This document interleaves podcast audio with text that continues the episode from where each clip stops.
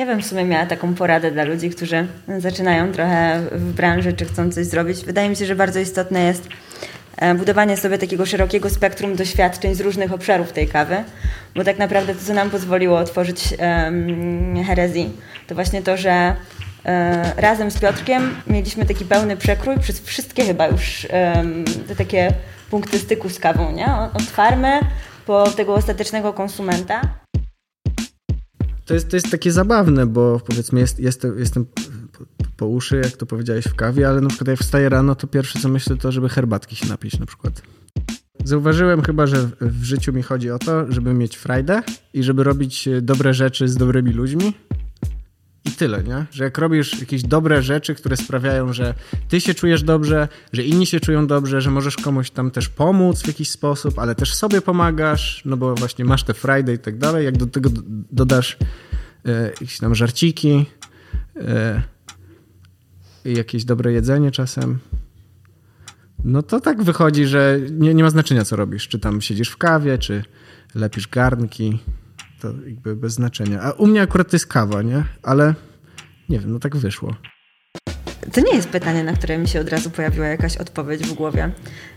Ja w ogóle nigdy nie marzyłam o posiadaniu swojej palarni i w sumie do tej pory mnie to zaskakuje. I jak teraz muszę, jak, jak mam powiedzieć, że, że a, otworzyłam sobie palarnię, to jakby cały czas się zaskakuje tymi słowami. Po prostu nie, żeby nie było, ja jakby kocham kawę też, jak y, nie wiem, robię jakiś stół do oceny i mam jakieś właśnie sample, y, które dostaję od kogoś albo no cokolwiek i jest jakaś kawa, która mnie urzeka, no to ja cały dzień chodzę podekscytowany tym, jak, jak, jak, jaką tę kawę wypiłem, nie? że ja tam czuję, jak ona mi została po prostu, wiesz, minęły trzy godziny od tego cuppingu, ja cały, cały czas czuję tę kawę i cały czas o niej myślę, jestem na tym taki zafiksowany i taki podekscytowany i z każdym się dzielę tym, jakie to było zajebiste i tak dalej. To tak, ale nie 24 godziny na dobę, nie? Ja nazywam się Paweł Kwiatkowski, a gościem dziewiątego odcinka są Karolina Kosno i Piotr Jerzewski. No Karolina, bo to ty, bo to ty wymyślałaś wszystko. A, no pewnie, zwalaj teraz na mnie. um, herezji, tak sobie nazwaliśmy ten nasz brand. E, chociaż tak trochę go spolszczamy też do, do herezji. E, i nie boimy się używać tego, tego słowa też we wszelkich innych odmianach. Ale to w liczbie mnogiej wtedy mówimy o tym, że herezja wtedy. Takie herezje zamknięte w brązowych słoiczkach. A jest po angielsku, bo ten... Jakby kiedyś trzeba było sprzedać na przykład do Niemiec albo tam dalej gdzieś. mam takie pytanie, to jakie wasze plany na przyszłość? To, to już tak zaplanowaliśmy sobie, że Okej. Okay. E, słuchajcie, to na pewno porozmawiamy o herezjach, ale na początek to jestem ciekawy, co u Was słychać i, jak wyglądała ta Wasza droga, bo mm, my gdzieś tam mijaliśmy się w Secret Life Cafe. E, I później niezbyt aktywnie prowadzisz chyba media społecznościowe. Ja też jakoś tak przyznam, że nie śledziłem wiesz, mocno. Ale teraz jak przygotowując się przeglądałem, to kilka, kilka zdjęć. E, I bardzo jestem ciekawy, jak ta wasza droga do, do kawy wyglądała przez te ostatnie lata. No zajmuję się tą kawą już tak chyba od 8 czy już nawet chyba 9 lat. z tym, że co ciekawe, nigdy nie pracowałam w kawiarni. E, ale, ale robiłam kawkę też na różnych eventach. Zajmowałam się też właśnie podawaniem kawy, ale przede wszystkim moje największe doświadczenie to jest praca w Coffee Desku, do którego dołączyłam jak jeszcze był stosunkowo mały, miał, miał 10 osób e, i razem z tą ekipą współtworzyłam no, to, co teraz jest jednym z takich największych e, e-commerce'ów kawowych w Europie. E, I to mi zdecydowanie dużo powiedziało o kawie z perspektywy konsumenta, tego czego oczekują ludzie od kawy speciality. No i teraz wykorzystuję te wszystkie doświadczenia, projektując naszą markę i wykorzystując właśnie bezpośrednio tę wiedzę. To na, na, początku to tylko bym chciał wspomnieć o tym Secret Life, o którym już też mówiłeś, że to takie jest moje miejsce, miejsce matka. Tak to się mówi? Miejsce matka. E, I naprawdę jakby tam się za, zaczęła taka poważna ta cała rozkminka o tej kawie i chciałbym pozdrowić serdecznie e, e, Zuzę i Michała. No, a z tym Audunem to wyszło tak, że wcześniej jeszcze pracowałem w Berlinie w takim zna, znanym w niektórych kręgach miejscu, z którym wiąże się bardzo, bardzo ciekawa historia. To tam na Kreuzbergu w Berlinie z, z Damianem Durdą i z Michałem Sowińskim, też pozdrawiam. No i okazało się, że tam szybciej muszę stamtąd się wydostać niż myślałem wcześniej i wróciłem do Polski. I znałem już wcześniej Auduna jeszcze z poprzednich lat właśnie, kiedy dostarczał nam kawę do Secret Life'u. I wtedy to był ten moment, kiedy właśnie sobie pomyślałem bardzo, że chciałbym się nauczyć też, też palić kawę. I Audun był na tyle wspaniały, y, że się zgodził nauczyć mnie, y, jak się pali kawę. No i dla mnie to było takie niesamowite, że, że jakby taki ktoś jak, jak Audun, mistrz świata w paleniu kawy i tak dalej, nie ma z tym problemu. Znaliśmy się wcześniej, kapowaliśmy ileś tam kaw ze sobą i on mi swoją drogą potem powiedział, że właśnie przez to, że mnie znał i że, że e, jakby próbowaliśmy nieraz kaw przy jednym stole i o nich gadaliśmy, no to jakby jemu to pasowało, w sensie pasowało powiedzmy moje podejście i dlatego się zgodził. I tak, no, nauczyłem się kawę palić y, u Auduna właśnie. I jak wygląda właśnie taka nauka palenia kawy? Jak, jak, jak to wyglądało? E, kurczę, no u Auduna to wyglądało akurat y, super, bo y, to jest gość, który jakby on nie wymyśla. Nie wymyśla sobie jakichś teorii, takich po prostu, bo tak. I, a to jest akurat dość, dość częste w, w tej branży, powiedzmy, palenia kawy, że każdy, każdy tam, ile, ilu roasterów, tyle różnych jakichś tam teorii na temat, na temat palenia kawy. I one, one się głównie opierają na jakichś tam anegdotycznych, anegdotycznych przeżyciach, anegdotycznej wiedzy i to nie zawsze działa.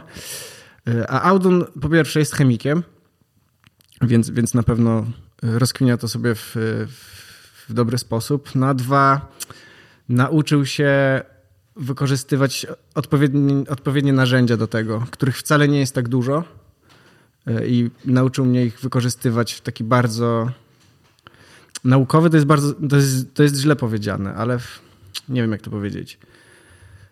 Bierzesz kilka zmiennych, które są naprawdę ważne, yy, uczysz, uczysz się jak je wykorzystywać i uczysz się jak, jak je śledzić. Do tego dodajesz powiedzmy cupping i już. Nie? I to jest o wiele prostsze niż, niż by się wydawało. A zdradź nam, jakie to są zmienne, bo wiesz co, rzadko zdarza się posłuchać o, o, o paleniu kawy. Mhm. E tak naprawdę jedną z najistotniejszych zmiennych jest kolor i y, jakby kolor, kolor tej kawy, którą wypalisz. I to jest, to jest taka dość e, to jest ciekawa rozkminka, bo mm, to jest kulturowe. W różnych miejscach na świecie y, kulturowo ludzie preferują róż, różne stopnie wypalenia kawy. I jakby i ten kolor, czyli ten, ten stopień, do którego wypalasz tę kawę, jest jest bardzo istotny i na przykład jak pojedziesz do yy, nie wiem, Japonii albo Korei i, i zaczniesz palić kawę tak bardzo, bardzo jasno, nie wiem, jak gdzieś w Szwecji czy coś, to jest duża szansa, że yy, że, że nie znajdziesz wielu amatorów takiej kawy, bo tam w, w, w, tych miejscach preferują kawę ciemniej wypaloną i na odwrót. Yy, I i tak naprawdę jest jeszcze takie bardzo ciekawe badanie, które przeprowadzał Morten Munchow, to jest taki bardzo mądry człowiek z Danii akurat. Naukowiec swoją drogą, e, taki prawilny, legitny naukowiec. I on przeprowadzał takie e, badania. E, w wielkim skrócie wyszło w nich, że, że, że ten kolor jest jakby jedną z najistotniejszych rzeczy jest, jest o wiele ważniejszy tak naprawdę niż wiem, ten profil, czy wypalisz tę kawę 9 minut, czy, czy 9,5, czy zaaplikujesz 6,5 y, ROR w kraku, czy tam 6 jednak. To schodzi trochę na, na dalszy plan, a, a najważniejszy jest ten, ten, ten kolor, yy, czyli stopień, do którego, do którego wypalisz kawę. No, to ja dobrze rozumiem, że jest jakiś taki wzorzec, do którego ty zmierzasz, kiedy teraz y, palisz swoją kawę? Mm, tak, w sensie, no ja palę kawę inaczej. Wiem, dla kogo palę kawę. Y, wiem, jaką kawę mm, pija się tutaj, w Polsce czy w Europie. Mniej więcej. Oczywiście y, jest jakieś tam spektrum. Mamy kawy jaśniejsze i ciemniejsze, i amatorów jednych i drugich, ale y, jakby na pewno biorę pod uwagę to, jaką kawę lubi się tutaj. Do tego do, dołączam to, jaką kawę ja lubię, i powstaje taka. A to takie mądre słowo, to się nauczyłem od, od kolegi w, Vancouver. Amalgamat taki powstaje. w każdym razie no i jakby mierzę kolor wypalonej kawy. To jest jakby jedna z najbardziej istotnych rzeczy w, powiedzmy w mojej kontroli jakości i w tym jak w ogóle jak myślę o, kawie, o kawie to e, kolor nacji tak zwany. Karolina, jaką kawę się pije tutaj? Dobre pytanie. Um, tak naprawdę, tak naprawdę um, jak zastanawialiśmy się nad tym, dobra, to jaką kawą chcemy się zajmować, to stwierdziliśmy, że nastały takie piękne czasy, y, już po dekadzie obecności kawy specialty w Polsce, kiedy możemy sobie pozwolić na wybieranie takich naprawdę wysokiej jakości ziaren, takich, które wcześniej były bardzo rzadko dostępne albo na które znajdowało się bardzo mało amatorów. A że możemy oprzeć całą markę kawy tylko i wyłącznie na tych naprawdę wybitnych ziarnach już z zakresu specialty, czyli ze specialty wycinamy jeszcze mniejszy kawałek, więc kiedyś e, myślę, że nie byłoby takiej możliwości, bo po prostu byłoby na to za mało klientów, a teraz nam się wydaje, że nie dość, że, nie dość, że jest ich wystarczająco, e, że, że, że na przykład my w ogóle już też nie bierzemy na, na siebie tej misji edukowania klientów, tylko już idziemy bezpośrednio do tych, którzy już są wyedukowani. E, którzy już doskonale mm, wiedzą, czego szukają, mają swoje mocno określone preferencje i my po prostu na nie już odpowiadamy. Więc to jest super, że te 10 lat kawy w Polsce spowodowało, że kawy specialty w Polsce spowodowało, że, że tak właśnie się już wytworzył ten rynek, że taka nisza może już się tutaj zrealizować. Wróćmy, e, Piotr, do, do tej historii twojej drogi z, kawy, z kawą. To mm, u Auduna przez jakiś czas, rozumiem, uczyłeś się i nauczyłeś się i to wygląda tak, że on mówi, ok, wszystko już umiesz. Już umiesz. tak. Nie, to znaczy, no to jest nic zaskakującego w sumie to, co powiem, ale ja patrzę na to jako proces, no po prostu, tak jak z każdym innym skillem w życiu. Nie ma czegoś takiego, że ok, nauczyłeś się, no, do widzenia. To nie, to, życie to nie szkoła podstawowa. E, nie no, mm, u Auduna pracowałem niecały rok chyba E, ale tak dość intensywnie. Co wtorek wtedy akurat miał, zawsze w każdy wtorek miał produkcję i, i wstawałem sobie o tam tej piątej rano e, i jechałem na, dwor na dworzec centralny w Warszawie i tym pociągiem do Bydgoszczy. Produkcja u Auduna i, i wieczorem wracałem i tak co tydzień przez tam no, prawie rok. E, I w pewnym momencie sobie pomyślałem, że no chciałbym mm, zdobyć y, więcej doświadczenia też w innych miejscach, w innych y, warunkach, w innym środowisku i tak dalej. A gdzieś tam jeszcze y, potem pojawił się właśnie w głowie ten pomysł, że, że chcę właśnie pójść już tak tam najdalej do końca tego etapu, do końca tego łańcucha. E, czyli, czyli do, już do pracy w, w, no w krajach produkujących kawę i, i do pracy po prostu z producentami już. E, ale wymyśliłem sobie, że, że właśnie, że w, jakby w, w, tej drodze chciałbym tak jakby pozgarniać ekspertyzy na tych, na tych polach wszystkich. E, no wszystkich, nie, nie jest akurat ich jakoś tak super dużo. Mm, no ale najpierw wiele lat pracowałem za barem, e, potem właśnie to palenie kawy. Mm, miałem jakieś takie epizody właśnie w wakacje któregoś roku. Pracowałem w Cafe Nation w Belgii z, z, tymi, z tymi wariacikami tam. E, potem wróciłem do Polski, właśnie pracowałem dla Hajba. E, no, potem, potem prawie rok e, pracowałem dla 49 Parallel, to się tak nazywa taka palarnia. Vancouver właśnie. No i teraz jestem tutaj znowu z powrotem. I już palę swoje kawki. E, Okej. Okay. Od kiedy chodziło ci po głowie, żeby stworzyć coś swojego? Y, w sumie to jakby hmm, to wyszło tak trochę przypadkiem. Wiadomo, że zawsze co jakiś czas gdzieś tam wpadał do głowy jakiś pomysł, że no, może kiedyś mieć coś swojego, ale jeszcze do niedawna, nie wiem, jeszcze tak z pół roku temu, to właśnie nawet, nawet sobie pomyślałem tak świadomie, że nie, w ogóle bym nie chciał mieć palarni teraz. Że tak, tak mieć swoją palarnię, nie, że że nie, że wolę robić inne rzeczy. I zacząłem robić te inne rzeczy. No a potem się okazało, że można połączyć kropeczki jednak. Więc to wyszło tak zupełnie, zupełnie przypadkowo. Tak jak w ogóle y, najlepsze rzeczy w moim życiu wychodzą zawsze totalnie y, tak y, przez przypadek. ta droga, wiesz, w branży kawy to nie, nie była planowana? Co było takim, wiesz, planem, a co... co Ona była planowana i, i w sumie i nie. Mm, kurczę, nie wiem jak to opisać.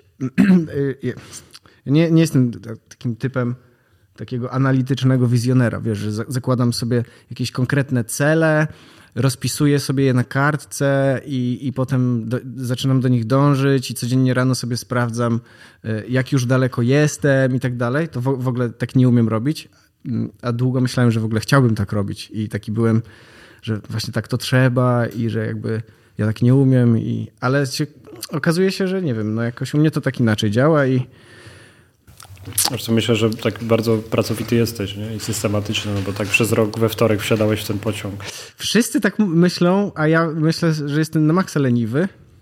Y, jestem świadomy jakiej pracy, którą wykonałem i nie no, jestem świadomy tego, że było jej sporo przez te wszystkie lata, ale w tym samym czasie jestem naprawdę, jakby mógł, nie wiem, mam tak, że mógłbym zrobić o wiele, wiele więcej właśnie tam wstawać rano, patrzeć w lustro y, i mówić tam sobie, że uu, jesteś zwycięzcą i tam y, cisnąć i rozrysowywać sobie te Excelki. Ale tak nie robię. Wszystko jakoś przychodzi y, tak trochę samo, w sensie, że spotykam na przykład cudownych ludzi po drodze.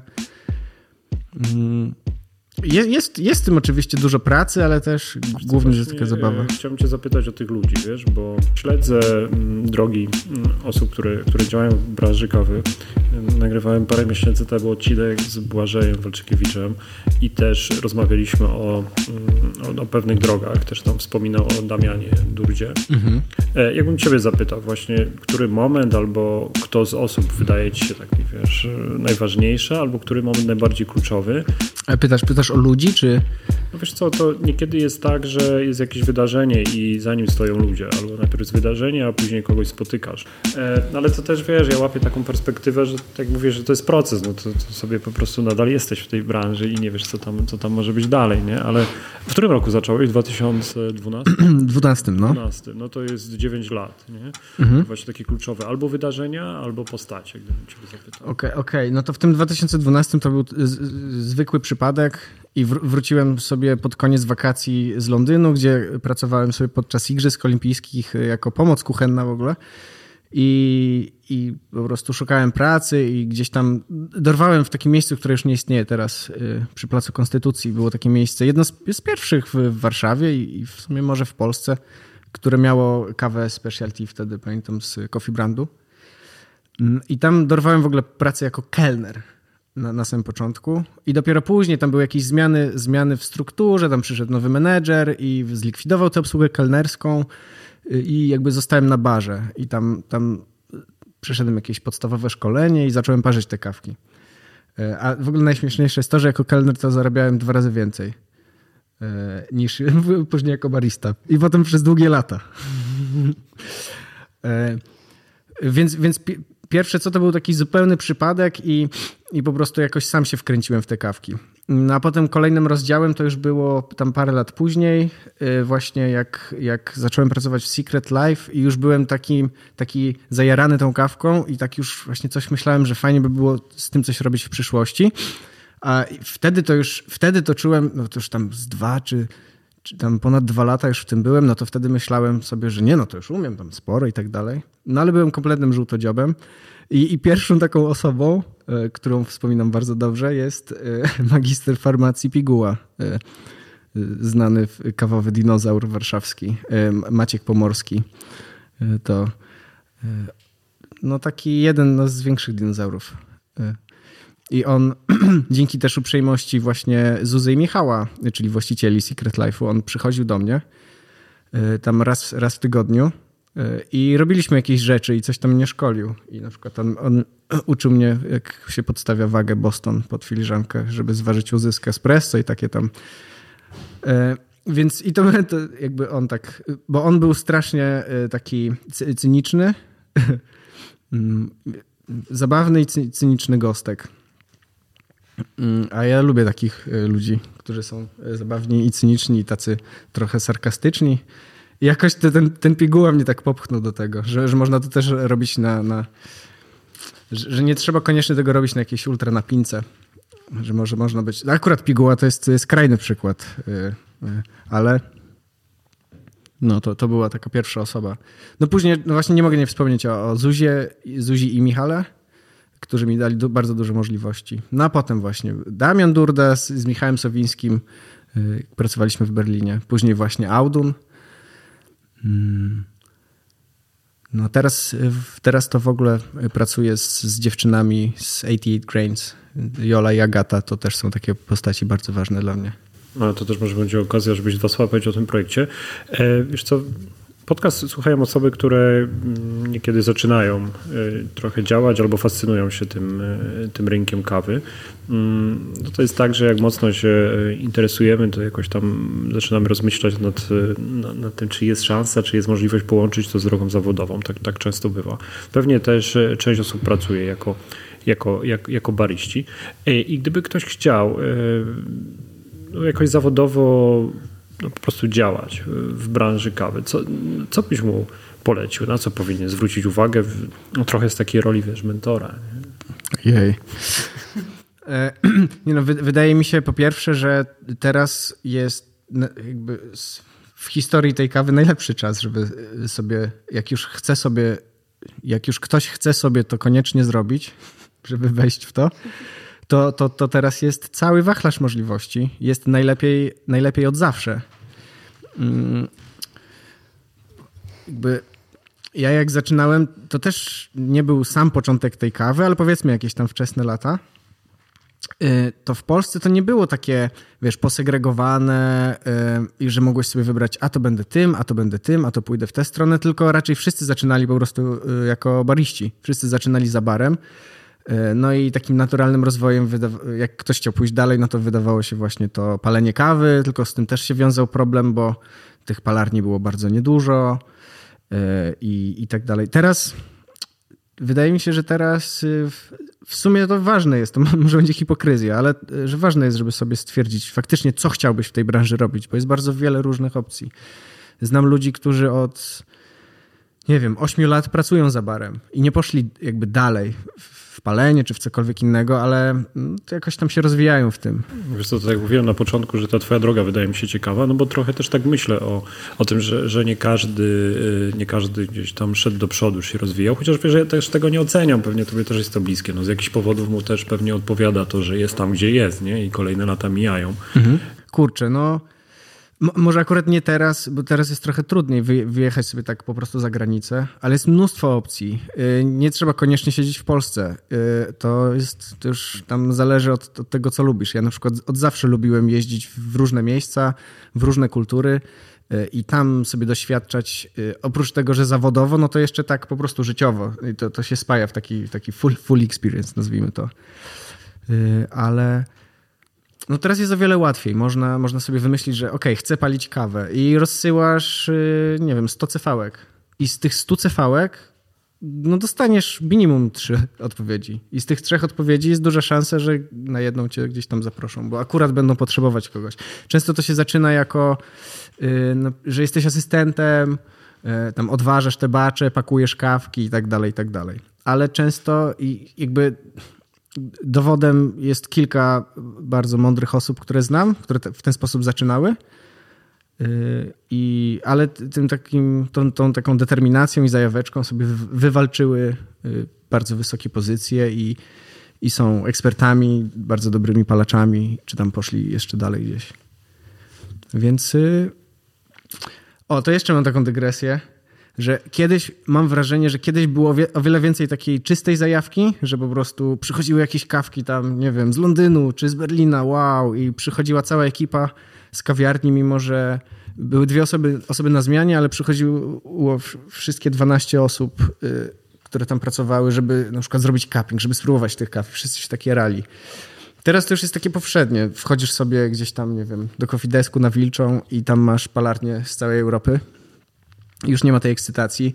Y, jak zaczynasz y, bycie baristą, wbijasz za bar, a tam już są najlepsze sprzęty i tak dalej. Nie, ma już tej takiej, takiej zajawkowej energii. Y, no ale coś za coś. Jest, jest o wiele więcej, więcej opcji. Można pisać w różne miejsca i, i walić pięściami w drzwi, że tam Wpuśćcie mnie, wpuśćcie mnie. I ktoś cię tam wpuści w końcu. Ja bym w sumie miała taką poradę dla ludzi, którzy zaczynają trochę w branży, czy chcą coś zrobić. Wydaje mi się, że bardzo istotne jest e, budowanie sobie takiego szerokiego spektrum doświadczeń z różnych obszarów tej kawy, bo tak naprawdę to, co nam pozwoliło otworzyć um, herezji, to właśnie to, że e, razem z Piotrkiem mieliśmy taki pełny przekrój przez wszystkie chyba już te takie punkty styku z kawą, nie? Od farmy po tego ostatecznego konsumenta. I, I czasem ja też uważam, że bardzo dużo się nauczyłam od Piotrka teraz, mimo że e, właśnie to już dziewiąty rok pracy w kawie, to, to teraz właściwie dowiedziałam się trochę, trochę nowych informacji o tym jednak, jak się selekcjonuje to ziarno i z czego wynika jego cena. I to są jakieś takie aspekty rynku, którymi się nigdy wcześniej nie interesowałam. I wydaje mi się, że, że fajnie jest po prostu, jak trochę się wie jednak o tym paleniu kawy, ale też z drugiej strony o tym, jak wygląda praca w kawiarni, ale też trochę o tym, czego oczekuje taki konsument, który sobie kupuje kawkę w internecie. A już z, zupełnie z innej strony, na przykład warto sobie pojeździć na World Coffee Events albo wziąć udział w jakichś mistrzostwach, czy nawet nie trzeba startować, można być po prostu wolontariuszem. Ja organizowałam wiele mistrzostw Polski i fakt, w sumie z Piotrkiem się poznaliśmy nawet mniej więcej właśnie w taki sposób, że ja organizowałam brewersy, Piotrek też tam pomagał, organizował cuppingi na tych brewersach w Kołobrzegu. I, e, I faktycznie wszyscy ci ludzie, z którymi zawsze współpracowałam jako z wolontariuszami na tych mistrzostwach, e, świadczyło to o tym, że są bardzo zaangażowani w, w budowanie jakiejś, w jakiegoś swojego doświadczenia. I, I to jest bardzo wartościowe, żeby właśnie zobaczyć tą kawę od, od każdej możliwej strony, bo tam w, ka w, każdym obszarze jest zupełnie inna wiedza ukryta i dopiero jak się to połączy, to faktycznie można powiedzieć, że coś tam się o tej kawie wie. No to prawda. I też możesz wiedzę z innego obszaru y, y, wykorzystywać w tym drugim. No, dokładnie. Powiedziałem to, jakby to było jakieś odkrycie roku. To jest oczywiste, ale, ale nie zawsze. Zebraliście te wszystkie doświadczenia e, no i stworzyliście, wiecie, herezję. Czym ona się wyróżnia, Karolina, jeśli chodzi na, o, tym, o, to, o rynek? Bo jest taki czas, że powstało sporo palarni. To prawda. Nawet, nawet czasem się zaskakujemy e, tym, ile nowych palarni powstało i, i mm. których jeszcze nie znamy. Więc faktycznie jest niezły boom na rynku i to super. E, to świetnie, że jakby ten, ten torcik, zawsze mówiliśmy, że to jest taki torcik, który się będzie coraz bardziej powiększać, jeśli chodzi o to specialty. On się naprawdę powiększa i to widać. E, a Heresy wyróżnia, wyróżnia się tym, że przede wszystkim wybieramy tylko ziarenka 86 punktów i powyżej to znaczy, że wybraliśmy sobie taki obszar działania właśnie bardzo wąski, że już że, że nie bierzemy tych kawek, które e, są, są takie specialty, ale po prostu takie dobre i podstawowe, które się tam nadają na codziennie rano do picia i nie są może zbyt drogie. Tak, taka podstawowa kawka. To jakby trochę zostawiliśmy cały ten segment z boku i stwierdziliśmy, że chcemy jakby tej kawy robić bardzo mało, i w ogóle mieć bardzo małą selekcję tych kawek, ale totalnie jakiś tylko zajebistych. I że w sumie to, to będzie taki fan, że można sobie to będzie wybierać i, i, i że te wszystkie kawy muszą. Um, bardzo nam zależało na tym, żeby one były traceable, to jest teraz takie modne słowo. Um, to znaczy, że jeżeli skupiamy się na tym, że my wiemy, co to za ziarno, od, od, pochodząc jakby, zaczynając od farmy, że wiemy dokładnie, co się z nim działo, jak było obrabiane, mamy informację o tym, kim jest farmer. A Piotrek nawet też zna część tych farmerów, albo ich dopiero pozna, jak pojedzie teraz do Gwatemali. I, I to jest w tym w ogóle fajne, że tak, że, i że innych kaw nie będziemy mieć, że to jest podstawa, że musimy mieć takie ziarenka, o których wiemy wszystko i o których wiemy, że naprawdę są super. A potem dokładaliśmy sobie do tego kilka innych elementów. E, między innymi chcieliśmy mieć jakieś fajne opakowania. I tak się zastanawialiśmy długo nad tymi opakowaniami, bo ciężko wymyślić coś fajnego w tej branży. To znaczy, jest pewien standard paczek e, i ci producenci jakby nie oferują za bardzo za dużo innowacji, a jeśli się chce coś innowacyjnego, to jest to dostępne tylko dla, dla dużych graczy, no bo jest coś takiego jak minimalne zamówienie, które jest naprawdę w dziesiątkach tysięcy, e, jeśli chodzi o, o, o ilość i trochę to, jest, to nie było dla nas dostępne. I, i tak, a też trochę chcieliśmy być tak na tyle eko, na ile się da, bo to są też jakieś dla nas ważne wartości, ale z drugiej strony nie chcieliśmy, nie, nie, był to nasz najważniejszy priorytet, bo też wiedzieliśmy z góry, że trochę tych super ekologicznych rozwiązań, takich totalnie e, carbon neutral, nie ma jeszcze na rynku, e, albo znowu są niedostępne dla mniejszych graczy, więc to też nie, nie był jakiś priorytet. No i, no i te słoiki. I pamiętam ten moment, kiedy napisałam do Piotrka, ej, a może taki słoik, taki wyobraź sobie ten słoik na komandantę, tylko trochę większy i że jakby do tego włożyć kawę. To tak jak e, taki zwykły kot i ryś. E, wiesz, jak wygląda ryś? Wiem. Właśnie ja się tak stosunkowo niedawno dowiedziałem i miałem takie straszne zaskoczenie, ale też ubaw, że ryś wygląda dokładnie jak taki zwykły kot domowy, tylko jakbyś go powiększył. To, to jest tak jak z tymi słoikami też. Trochę. tak, to jest to, tak, ma taką Piotrek analogię. W każdym razie, no jakby te słoiki. Ja zobaczyłam te słoiki i tak zaczęłam to sobie rozkminiać i bardzo byłam ciekawa, co Piotrek na to powie, bo byłam też nastawiona, że muszę powiedzieć, że to jest jakiś kompletnie powalony pomysł. A, ale Ogórki to... w topaku. ale jemu się to spodobało, no i no i um, no i zaczęliśmy to rozkminiać, I, a, a, ja też mam takie, to, to, jedna z rzeczy, która nas też łączy, to takie trochę jakby naukowe podejście, że tak lubimy sobie posprawdzać różne teorie i, i tam sprawdzić w internetach, czy są jakieś badania, które potwierdzają te nasze teorie. I, no i jeszcze sobie tak potwierdziłam to, że, um, że taki plastikowy słoiczek um, jest tak naprawdę bardziej ekologicznym rozwiązaniem niż te standardowe paczki, wbrew pozorom. E, I to już było takie, ej, dobra, no to fajnie, to jakby tutaj nam się łączy dużo rzeczy w jedno. Gra i buczy. No i tak właśnie powstały te herezje w brązowych słoiczkach. A ja jeszcze tylko chciałem dodać, jeśli mogę, y, to jeszcze wracając do tej kawy, y, że głównym założeniem, jednym z głównych założeń y, jest to, że, że te kawy, one są łat, jakby łatwe w obsłudze. Dlatego, że ogólnie człowiek wydaje mi się, nie jest przystosowany do y, skomplikowanych operacji genetycznie. W sensie człowiek jest przystosowany do tego, żeby y, znajdować y, pożywienie sobie i dach nad głową i serio nie zdajemy sobie z tego sprawy, jak bardzo, myślę, jesteśmy tak, takimi zwierzętami po prostu, nieprzystosowanymi do, do wykonywania skomplikowanych operacji. I teraz stąd się bierze ta rozkwina, że te dobre kawy, te takie naprawdę dobre kawy, one mają ogromny, nie wiem, margines błędu. Jakby ludzie non-stop popełniają błędy, nie są precyzyjni i tak dalej, i tak dalej. I teraz, jak masz dobrą kawę, taką naprawdę dobrą kawę, to tak, o wiele łatwiej się ją pali, to okienko sukcesu, te, ten margines błędu jest naprawdę szeroki. Jeżeli palisz taką, powiedzmy, kawę trochę niższej jakości w tej skali SK, no nie? Powiedzmy tam te 82, 3 punkty, to ten margines błędu jest bardzo wąski. Jak popełnisz jakiś dość duży błąd, no to właśnie nie wiem, wypalisz to za jasno albo coś tam po drodze się stanie, no to jakby to będzie miało bardzo duże znaczenie w tym efekcie końcowym im kawa jakby jest w tej wyższej jakości w tej skali, czyli ma do zaoferowania więcej, będzie bardziej intensywna, więcej rzeczy tam się dzieje, y, będzie więcej słodyczy i tych wszystkich rzeczy, tym ten margines błędu nagle się powiększa i nawet jak popełnisz jakiś jeden czy dwa błędy, jakieś niezbyt znaczące, to nic się nie stanie, bo ta kawa cały czas będzie miała bardzo dużo do zaoferowania. I to sam, ta sama analogia jest przy parzeniu kawy. Jeżeli masz dobrą kawę, dobrze wypaloną, to również ten margines błędów przy parzeniu jest ogromny.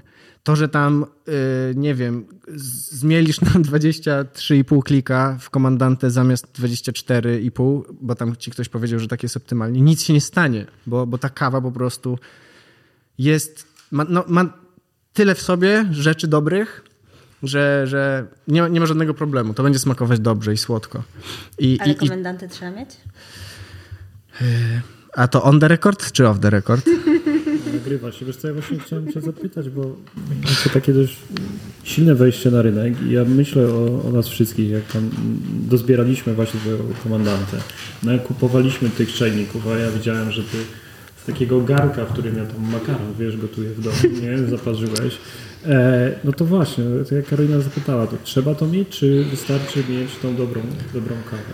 Yy, dobra, to to jest tak. Musisz mieć dobrą kawę, wiadomo. No i faktycznie y, musisz mieć też dobrą wodę i dobrze wypadałoby mieć dobry młynek. Jeżeli chcesz naprawdę y, mieć w tej kawie ten jej cały potencjał, no nie? Wszystko, co tam, co tam jest możliwe na ten moment do, do wyciągnięcia z niej, to tak, oczywiście. I żeby nie było, to, to nie jest tak, że jesteśmy jakimiś tam e, pa, pankami, którzy tam, wiesz, woda z kałuży, dobra, jedziemy. To nie tak. I ja mam swoją świętą wodę, e, którą sobie tam zlewam z osmozy z zaprzyjaźnionej kawiarni i nią parzę kawy sobie. I i tak, i mam, mam, mam, mam komandantę. I nie, nie wstydzę się tego, nie? Nie, tak serio to wiadomo, że ten, ten, ten sprzęt jest ważny, ale głównie, głównie ten młynek, no nie? To już czy tam sobie zaparzysz V60, czy tam w Aeropressie, czy coś, to już jest takie, kurczę, no każdy, każdy przechodzi przez tę zajawkę i to jest naturalne, to jest normalne, nie ma w tym nic złego, tylko chodzi o to, że jak już jesteś ileś lat w tym i doświadczasz różnych rzeczy i pojedziesz sobie, czego każdemu w ogóle życzę, y, każdemu kawowemu zaja zajawkowiczowi, każdemu kawowemu geekowi życzę te, tego, żeby pojechał kiedyś na plantację, to po prostu y, niektóre rzeczy stają się ważniejsze, a niektóre schodzą na, na drugi plan. Jak jakby dla mnie ważne jest to, żeby przedstawić tę pracę tego producenta w taki sposób, żeby ta kawa smakowała wyśmienicie, tak jak ona, tak jak ona ma smakować. Czy użyjesz do tego y, kon, tam konewki, lejka, dripa, czy tam, to nie ma znaczenia. Mm, ale tak, kawa i woda i młynek to taka, powiedzmy, y, y, taka No i ten najlepszy podstawa. sprzęt nie spowoduje, że ta podstawowa kawa specialty zacznie smakować Otóż to. dużo lepiej, nie? Otóż po prostu to. on wyciąga tylko tyle, ile w tej kawie jest. A znowuż ten słabszy sprzęt nie popsuje aż tak bardzo um, tej, tej super dobrej kawki. Ale wiesz, to, to, chodzi też o to, że różni ludzie mają różne wymagania i też jakby różne poziomy rozkminek i, i właśnie też o to chodzi, że jak ktoś ma sobie tam ten młynek za 150 zł podstawowy z jakimiś ceramicznymi żarnami, nie ma problemu, no jakby spoko, wiadomo, że są lepsze rzeczy, ale, ale to nie znaczy, że jak on ma ten młynek, to już nie może pić e, tych dobrych kaw, a właśnie wręcz przeciwnie. Bardzo dobra kawa na takim średnim sprzęcie i tak z moich doświadczeń smakuje znacznie lepiej niż bardzo przeciętna kawa, e, wiesz, zaparzona tam z ultra precyzją, e, wiesz, z, z, ze sprzętem od NASA. Zresztą muszę się przyznać, że trochę testujemy też tak nasze kawki. No, jasne. Bo Piotrek bierze tą świętą wodę i komesia, e, a ja z drugiej strony ją wrzucam w trochę bardziej hardkorowe warunki i, i też rozdaję ją um, znajomym na testy, którzy, którzy nie są z branży kawowej i też z nią robią ogromne herezje. E, I to, na, to jest jakby z naszego doświadczenia mówimy, że ta kawa zawsze smakuje. To nie jest tylko teoria. No i to jest w ogóle też głęboka rozkminka taka, że mm, jak zbierzemy sobie te takie produkty, y, kawę, piwo rzemieślnicze, wino y, naturalne, jakieś, jakąś dobrą whisky, te wszystkie rzeczy, to, to okazuje się, że kawa jest wybitnie y, w pewien sposób niewdzięcznym produktem, bo z, z tej grupy produktów to jest jedyna rzecz, gdzie konsument również tworzy ten produkt jak kupujesz sobie winko, to po prostu otwierasz je, wlewasz do kieliszka, pijesz. Wiadomo, to samo z piwem i tak dalej. A tutaj okazuje się, że, że, że, że ten konsument jest tym ostatnim ogniwem tworzenia tego produktu i to jakby bardzo komplikuje sprawę. No i jeszcze jest wysoki próg wejścia. I wysoki. Tak, tak, tak, tak. tak. Ktoś napisał. Wymaga to inwestycji. Czy pilibyśmy takie super winka drogie, e, gdyby, gdyby to jeszcze wymagało posiadania jakiegoś super sprzętu, nie? Do tego wina, że, że nie możesz otworzyć tej butelki, dopóki nie tak, masz, tak, no tak. nie wiem, jakiegoś super korkociągu. To mm-hmm, było trochę mm. straszne. No, więc, więc tego, z tego względu jest to bardzo skomplikowany produkt. Jaki macie odzew? Wspomniałeś, że ktoś napisał. E, to ktoś napisał w komentarzu, to chyba właśnie w, na Kofidesku jest taki konkurs na największą kawową herezję, coś tam można wygrać e, słoiczek czy coś.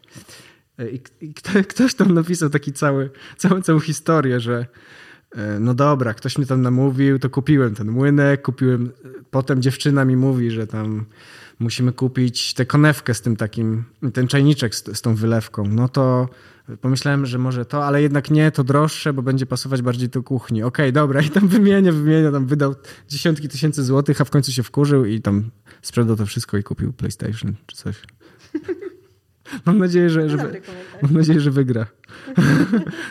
tam ileś osób wygrywa. Nie. Mam nadzieję, że. Ja kibicuję. Co zajmuje teraz Waszą uwagę, jeśli chodzi o projekt Herezji? Tylko jeszcze dodamy, że premiera była dwa tygodnie temu, tak? Jesteśmy, który dzisiaj jest 9 lutego. Mhm. Mhm. E, szczerze mówiąc, e, największą uwagę zajmuje nam kawa miesiąca, e, dlatego że jest to bardzo wymagający projekt logistycznie. Produkcja, ilość kawy, ale też jakby nie wiem, czy mogę o tym powiedzieć. Ogromne za... zainteresowanie, z jakim się tak, ta kawa znaczy, spotkała. Ja, ja byłem zaskoczony, bo tak się spodziewałem, że tam może być dość duże zainteresowanie.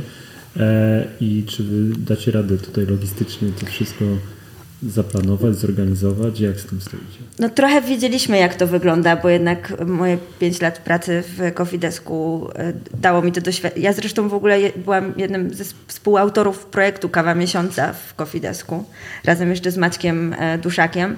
E, pamiętam, że, że tworzyliśmy cały ten projekt, więc jakby ja doskonale wiedziałam, jak to wygląda i, i z jakimi ilościami to się wiąże i jakie są też oczekiwania po drugiej stronie. E, to, to naprawdę jest e, ogromna e, ilość, co jest super, bo to świadczy o tym w ogóle, ile, ile ludzi jest zainteresowanych kawą specialty w Polsce. Nie? W ogóle to, to, jak wygląda, jak się rozwinął Cofidesk jest na, tym, na to świetnym dowodem. Mm, a my na razie robimy herezję w dwójkę i, i, i jakby taki model nam się też podoba. To też, ale to też jakby logistycznie jest dużym wyzwaniem.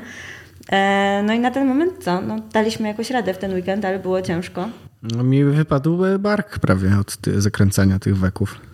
No, zawekowaliśmy bardzo dużo tej kawki.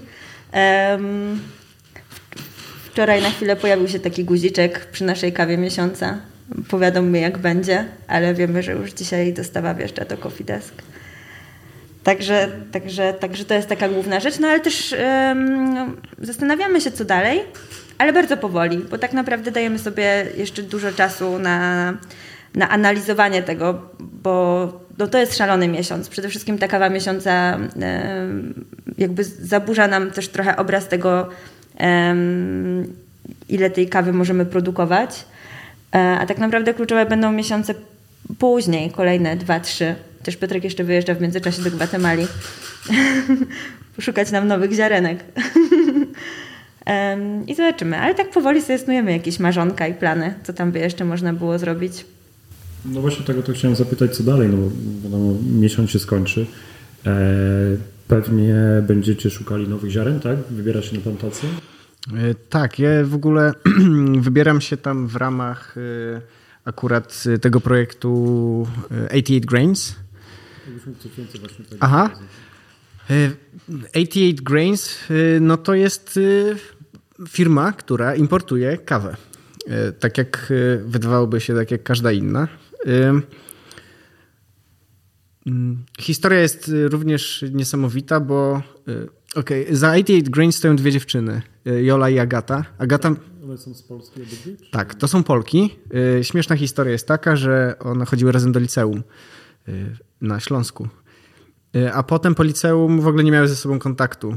Mm, ale obydwie wyjechały w ogóle z Polski. Agata osiedliła się w, we Francji, a Jola jeździła po świecie. Najpierw mieszkała w Stanach, potem w Australii.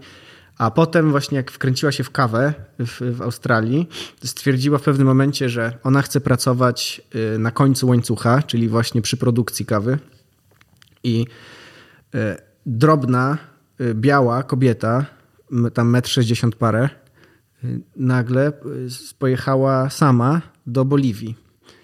E, I to nie do miasta gdzieś, tylko, tylko gdzieś wysoko, głęboko w góry.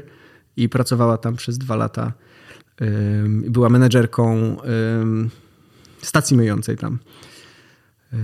I potem osiadła w Gwatemali. W każdym razie one się po latach jakoś połączyły i, i, i, i założyły właśnie 88 Grains, i celem tego, tego projektu właśnie mają być te takie mm, głębokie, podstawowe, takie dość po prostu ludzkie relacje z producentami. Jola mieszka w Gwatemali, więc ona de facto pracuje z naszymi producentami 365 dni w roku.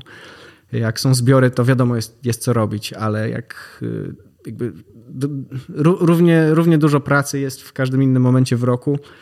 Y, ona nawet jeździ często tam do tych producentów, na przykład uczy ich angielskiego albo uczy ich kapować kawę i tak dalej. No a Jolę poznałem zupełnie przez przypadek, tak jak zawsze. Y, I po 30-minutowej rozmowie. Ja wtedy mieszkałem w Kanadzie i zdzwoniliśmy się, nie znając się w ogóle. Jakby zdzwoniliśmy się i rozmawialiśmy chyba z 30 minut i w ciągu tych 30 minut dostałem zaproszenie do Gwatemali, żeby tam przyjechać, a dwa dni później już miałem kupiony bilet. I jakoś tak to wszystko zaklikało. Okazało się, że mamy z dziewczynami podobne wartości, w ten sam sposób myślimy. Myślimy o kawie, o jej produkcji, o tym, w jaki sposób to wszystko powinno wyglądać. I, I, jestem bardzo szczęśliwy, że mogę z nimi pracować i też to jest spełnienie mojego marzenia właśnie, które, które było o tym, żeby, żeby móc pracować z tą kawą właśnie u źródeł. Za tam niecałe 20 dni właśnie lecę do Joli, do, do, do Gwatemali. Grafik mamy dość napięty, bo, bo będzie dużo jeżdżenia po całym kraju, po, w, w różnych regionach. E, ale na pewno też gdzieś tam w międzyczasie, w, wolnych chwilach e, będę mógł e, też mm, no, poszukać jakichś kaw ciekawych do, do, do oferty też właśnie tych naszych herezji. Będziemy robić różne eksperymenty z obróbkami. Na pewno posegregujemy różne ciekawe loty u różnych producentów, więc fajnie. To jest tak, że tam lądujesz, yy, gdzieś planujecie wyjazdy i przez kilka dni jesteś w drodze, kupujesz jakąś kawę, później wracasz na, na tę stację, tam sobie przygotowujecie i zastanawiasz się, która jest siebie najciekawsza, wiesz, no to jestem ciekawy, jak mhm. tam wygląda praca na plantacji.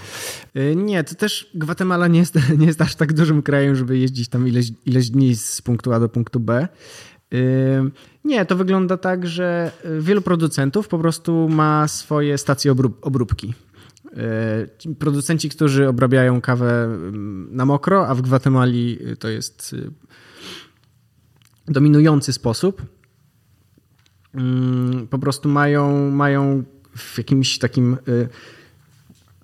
przepraszam, y, w dobrym położeniu, kurczę, jak to się nazywa? Wyleciało mi słowo z głowy, nieważne. Mają, mają te stacje obróbki i tam zwożą, zwożą te y, zebrane, zebrane wisienki i tam, i tam już to na miejscu obrabiają. Więc jeździmy, jeździmy po różnych producentach w różnych regionach. Y, no i te warunki są po prostu inne.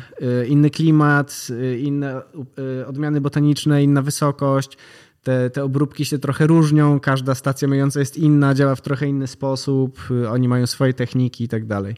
Współpracujemy z takimi, którzy y, wymagają, y, potrzebują więcej pomocy i wtedy robimy to razem z nimi, sprawdzamy, czy można to zrobić lepiej, bardziej efektywnie. Czasem okazuje się, że jakiś producent nie jest świadomy tego, że jak wysokiej jakości ma kawę. Wielu producentów na przykład w ogóle nigdy w życiu nie kapowało swojej kawy, nie próbowało. Nie oni nie wiedzą, jak smakuje ich kawa. E, są producenci, którzy właśnie nie zdają sobie z tego sprawy, jaką jakość, jaki potencjał mogą mieć i blendują wszystkie loty z całego zbioru na przykład. A okazuje się, że z jakiegoś miejsca na farmie e, jakaś konkretna odmiana botaniczna, sama oddzielona, na przykład na starcie e, kapuje, nie wiem, 86 punktów, nazwijmy to i wtedy można taki lot oddzielić, odsegregować od, od reszty, pokazać mu, jak to się robi, na czym to polega i tak dalej. Pracujemy też z producentami oczywiście, którzy, którzy mają zaawansowane y, swoje techniki i ekspertyzy. No jest to dość, dość różnorodne, ale wygląda to tak, że po prostu no, jeździmy po różnych miejscach, zostajemy tam na, na dzień, dwa, trzy, cztery i, i robimy co to, to, co tam trzeba.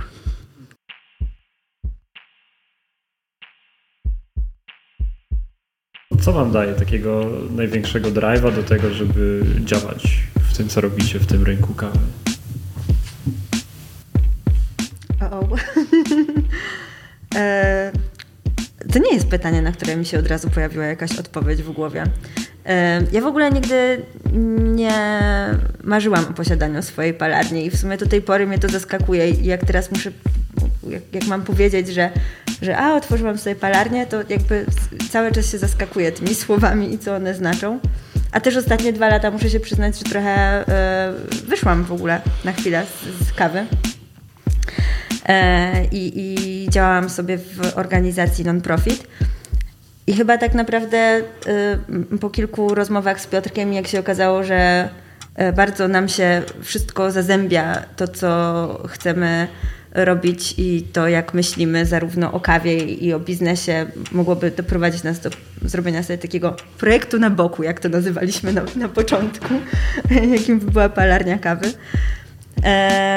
No to, to tak naprawdę odkąd zaczęliśmy to dosyć mm, tak już na poważnie o tym rozmawiać, planować, to zaczęło być to taką naprawdę fajną e, taką iskierką w moim życiu, że wszystko o czym rozmawialiśmy i wszystkie te plany tak bardzo pasowały do mnie e, i że tam nie trzeba było niczego e, wymyślać, nic kombinować, że, że nie tworzyliśmy sobie jakiegoś sztucznego produktu, tylko po prostu naturalnie z jakiejś rozmowy o tym, jak widzimy kawę, wychodziły nam, wychodziło nam to, co my tak naprawdę z tą kawą chcemy robić. I, I ta autentyczność tego projektu i to, że on po prostu jest taki faktycznie e, nasz, taki po prostu prawdziwy, w ogóle jest kwintesencją tego naszych wszystkich, są naszych wszystkich doświadczeń.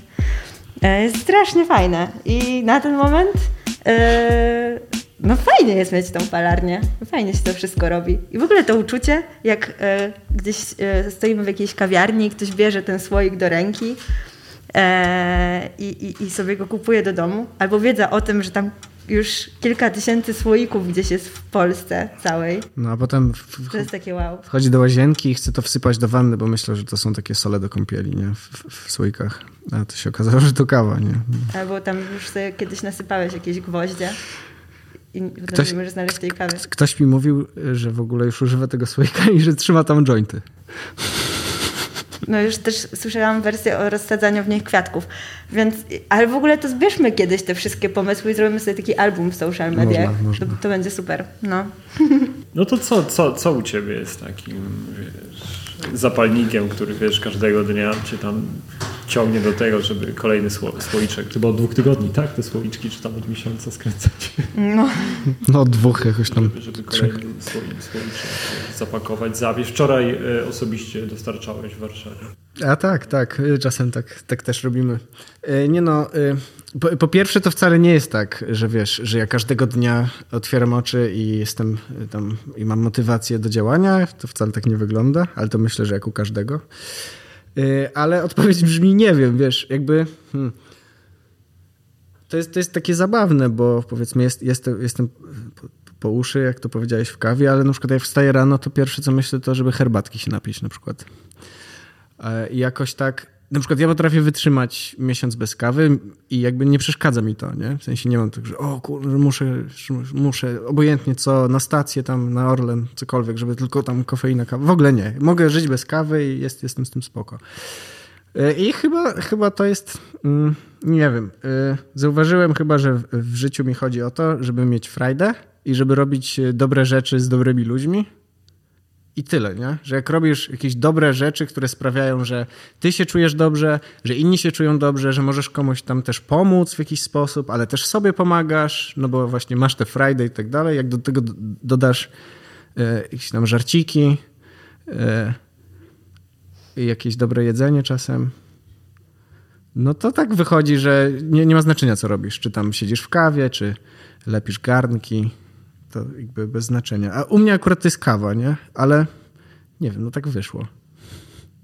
Po prostu, nie, żeby nie było, ja jakby kocham kawę też, jak, nie wiem, robię jakiś stół do oceny i mam jakieś właśnie sample, Y, które dostaję od kogoś albo no cokolwiek i jest jakaś kawa, która mnie urzeka, no to ja cały dzień chodzę podekscytowany tym, jak, jak, jak, jaką tę kawę wypiłem, nie? że ja tam czuję, jak ona mi została po prostu, wiesz, minęły trzy godziny od tego cuppingu, a ja cały, cały czas czuję tę kawę i cały czas o niej myślę, jestem na tym taki zafiksowany i taki podekscytowany i z każdym się dzielę tym, jakie to było zajebiste i tak dalej. To tak, ale nie 24 godziny na dobę, nie?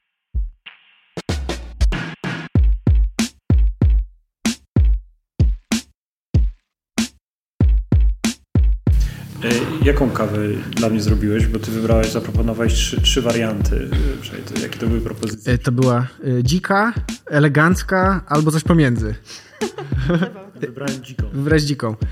To jest ym, kawa z Hondurasu z, w obróbce naturalnej. Odmiana botaniczna to jest Java, taka dość ciekawa, ciekawa odmiana. Ziarenka wyglądają tak też dziwnie, nietypowo, są takie podłużne, owa, owalne, jeśli byśmy patrzyli w w dwóch wymiarach, bo tak, bo to jest bry... nie bryła, Boże. Nie chcę się skompromitować. Nieważne. E, I to jest kawa od e, w sumie dość znanej producentki w, w tym świecie, e, od Marisabel Caballero. Ona, na przykład, no ja ją poznałem lata temu przy, przez to, że Tim Wendelbo ma co roku od niej wiele kaw. Bardzo znana producentka z Hondurasu. I to jest taki też właśnie mały, mały locik. Wydaje mi się, że trochę może eksperymentalny jak na ich warunki, bo, bo tam w Hondurasie oni, jakby, jest prawie taka religia, że my te kawki. A, a te naturale to tak zauważyłem, że, że są tacy czasem trochę sceptyczni do nich. No ale to właśnie była ta Java w obróbce naturalnej. Jest taka, ta fermentacja poszła tak dość, dość daleko. Nie, nie wydaje mi się, że, że za daleko. Nie smakuje ta kawa dla mnie jak jakaś kombucha czy tam kapusta kiszona. Ale na pewno ma trochę takich winnych, winnych nut. Nie wiem, nie wiem, czy ci smakuje. Powiedz szczerze. No, bardzo mi smakuje. Wiesz, to pomyślałem o tym, kiedy powiedziałeś, że to jest taki smak, który chodzi za tobą, wiesz, przez, przez trzy godziny. My już tak z godziny rozmawiamy, z godzinę temu wypiłem i okay. no i właśnie chciałem poprosić o kolejną. Aha, no to, to garnek jest gotowy, czeka. Czy wiecie już jaka kawa pojawi się wkrótce? Bo teraz i też co teraz macie poza Hondurasem? Mm, no właśnie dopłynęły w tamtym tygodniu do wybrzeży Francji e, nowe kawy z, świeże z Brazylii i z Boliwii, więc one na pewno niedługo zagoszczą w, w ofercie. Ale zanim to, to w tym tygodniu e, wjeżdżają nowe trzy kawki do oferty Coffee Desk więc ona się mocno rozszerzy. Do tej pory mieli trzy, więc już będzie troszeczkę mm, więcej. Mm, tak, będzie, y, jedną z nich jest ta Java właśnie, którą pi piłeś przed chwilą. W bardzo limitowanej ilości, więc jak ktoś będzie, jak ktoś ją zobaczy, to trzeba tam szybko będzie klikać. No to też się nazywa real time marketing. Nie, to, to się tak nie nazywa.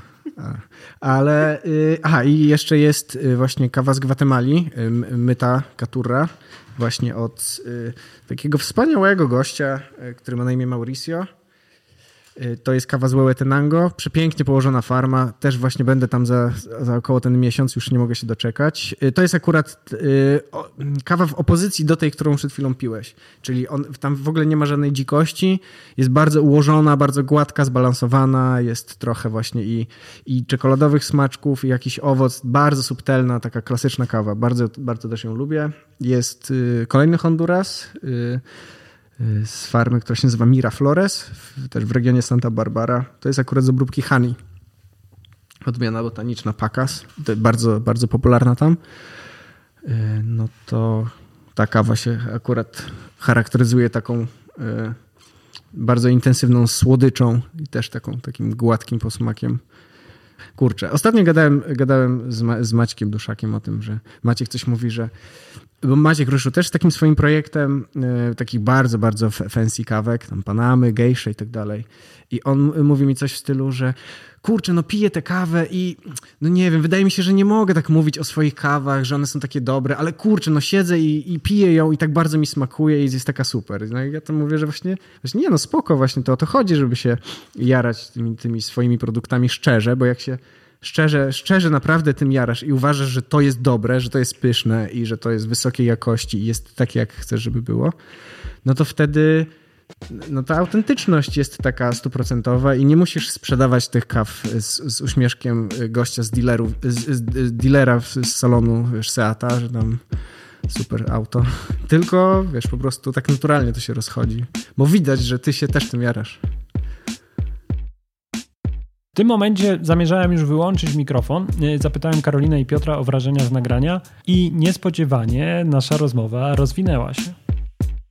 Pewne tematy już zdążyliśmy obgadać kilkukrotnie między sobą, a też jakby e, już musieliśmy też opowiadać też innym ludziom, a część rzeczy musieliśmy gdzieś tam spisać nawet.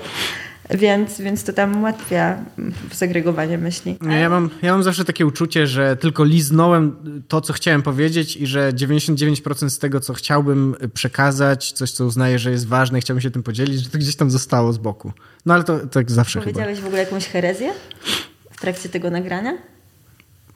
A to dobre pytanie. E, no, nie wiem. To musimy odsłuchać i dokleić. Pamiętajcie, że można parzyć kawę wrzątkiem. Ale to już ten. To takie na koniec powinno być. Puenta. No, no że, że ten. można bez wagi nawet czasem. Ale żeby nie było, ja tam często parzę kawę na wadze. Ostatnio liczyliśmy e, ziarenka kawy, bo nie mieliśmy wagi. A, no, że, że ziarenko kawy wypalone, wiadomo, to jest różne, ale tak jak nie masz wagi, to sobie możesz tak, to jest mniej więcej w zależności od odmiany botanicznej, tak od 16 setnych do, do 18 setnych grama, tak często wychodzi. To można policzyć, e, jak teraz tam, ile klików, to ile, ile ziarenek. Nie no, ja cieszę się, że jednak nie trzeba wyrzucać tych wszystkich sprzętów, wiesz, zgromadzonych. Nie, nie. Nie. One pomagają. No to tak jak jest z wszystkim. No. Możesz być ga gadżeciarzem i spoko, ale niektóre gadżety istnieją jakby dla, tylko po to, żeby one były i tam się, nie wiem, jak na przykład nie wiem, jakiś dron czy coś. Dron? Dron na przykład, nie? A, a w kawie, no to te gadżety są super, ale jakby nazwijmy to, że powiedzmy, że niebezpieczeństwo jest związane z tym, że zaczynasz się bardziej skupiać na tych gadżetach, yy, a, a, a nie na tej kawie. Ale z drugiej strony, kurczę, no też głupio by było wymagać od wszystkich, żeby tak się jarali tym, tą historią producenta. To też nie jest tak, że, że teraz ja chciałbym powiedzieć każdemu, że masz wiedzieć, masz znać nazwisko i drugie imię tego farmera. To nie o to chodzi, nie? Tylko po prostu no, chcemy docierać do takich ludzi, którzy y, biorą to pod uwagę i jest to dla nich ważne. mamy, taką, trochę, mamy taki plan reformacyjny w głowie. No bo to w ogóle jest heresy reformed coffee, y, bo tak się zastanawialiśmy, co- coffee roasters, no nie, to jest takie oklepane, że wszyscy coffee roasters albo coffee roastery. I tak, tak to wyszło. Myślałem, że kończymy nagrywanie, a tu się dowiaduję, że wy chcecie jakąś rewolucję robić. To może będzie jaki, jaki jest ten plan? Tu się, wiesz... A to specjalnie da- daliśmy tylko na sam koniec, żeby, żeby tylko tak, wiesz, zaznaczyć, nie? I teraz nie wiesz, co, co, co się stanie. Ale mamy taką rewolucję, że jak em, spojrzysz sobie na, na nasz słoiczek, to kraj pochodzenia tych ziaren jest dosyć małymi literkami napisany. I, I jest to bardzo przemyślana sprawa, bo, bo tak naprawdę kiedyś to było bardzo istotne. To była podstawowa rzecz, czy się lubiło kawy bardziej, albo w ogóle nawet z Afryki się mówiło, z Ameryki Południowej czy Środkowej. Nie? I to już ci dawało jakiś profil, ale ta kawa się tak zmieniła w ostatnim czasie, że właściwie już nawet bardzo doprecyzowany kraj czy region tak naprawdę może ci nic nie powiedzieć na temat tego, co jest w filiżance, w szczególności po tych wszystkich szalonych obróbkach. I, I dlatego my chcemy trochę ściągnąć wagę z kraju, a przerzucić ją em, bardzo konkretnie na farmę i na farmera. Dlatego nasze wszystkie kawki, em, no i największe literki to jest e, nazwa farmy i tak sobie też o nich mówimy, nazywając je farmami i dodając do tego e, obróbkę i odmianę, e, a, a nie, że kawka z Hondurasu.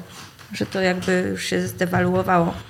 Trochę, że to się zmienia, to jest takie płynne. Wi wiadomo, że dalej jak masz, nie wiem, na hasło myta Kenia, wiesz czego się spodziewać i wiesz jak będziesz miał na ślepo na stole dwie filiżanki i ktoś ci powie, że jedna to jest myta Kenia, a druga to jest y, myta Gwatemala, no to raczej nie będzie, ktoś kto no, zna trochę kawy, nie będzie miał problemu, żeby powiedzieć, która jest która oczywiście.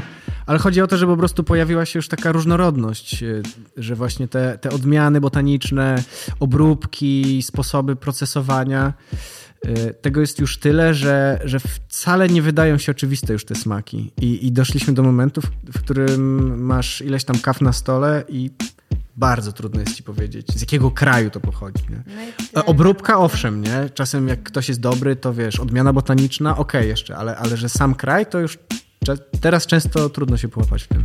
No i ta reformacja miałaby trochę też na tym polegać, że tak się nam trochę marzy, że w ciągu kilku lat ten rynek się trochę zmieni i na przykład usłyszymy kiedyś, że moja ulubiona kawa jest z farmy, na przykład teraz takiego mamy kawkę miesiąca, że Lavistada, że, że w przyszłym roku, że ludzie będą czekać na tą Lavistadę, którą znali z tego projektu No to było, to było w ogóle super. I Takie. to by było takie spełnione marzonko, nie? Kiedy, jeśli by się nam udało wypromować trochę nazwy tych farm i farmerów, ich historię.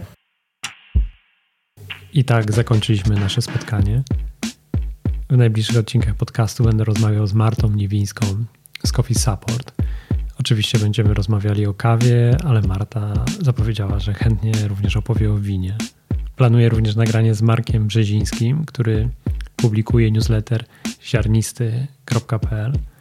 Jeśli jeszcze nie zapisaliście się, to polecam. Co tydzień sporo ciekawych informacji może trafić na wasz mail. Myślę, że Marek wykonuje masę dobrej pracy, aby wyszukać te wszystkie informacje. Zachęcam też, znajdźcie podcast o kawie na Instagramie. Na Facebooku mamy również grupę, na której rozmawiamy i też publikuję informacje o, o odcinkach. A ja dziękuję Wam za uwagę. Wkrótce usłyszymy się w kolejnym już dziesiątym odcinku podcastu o kawie. Do usłyszenia.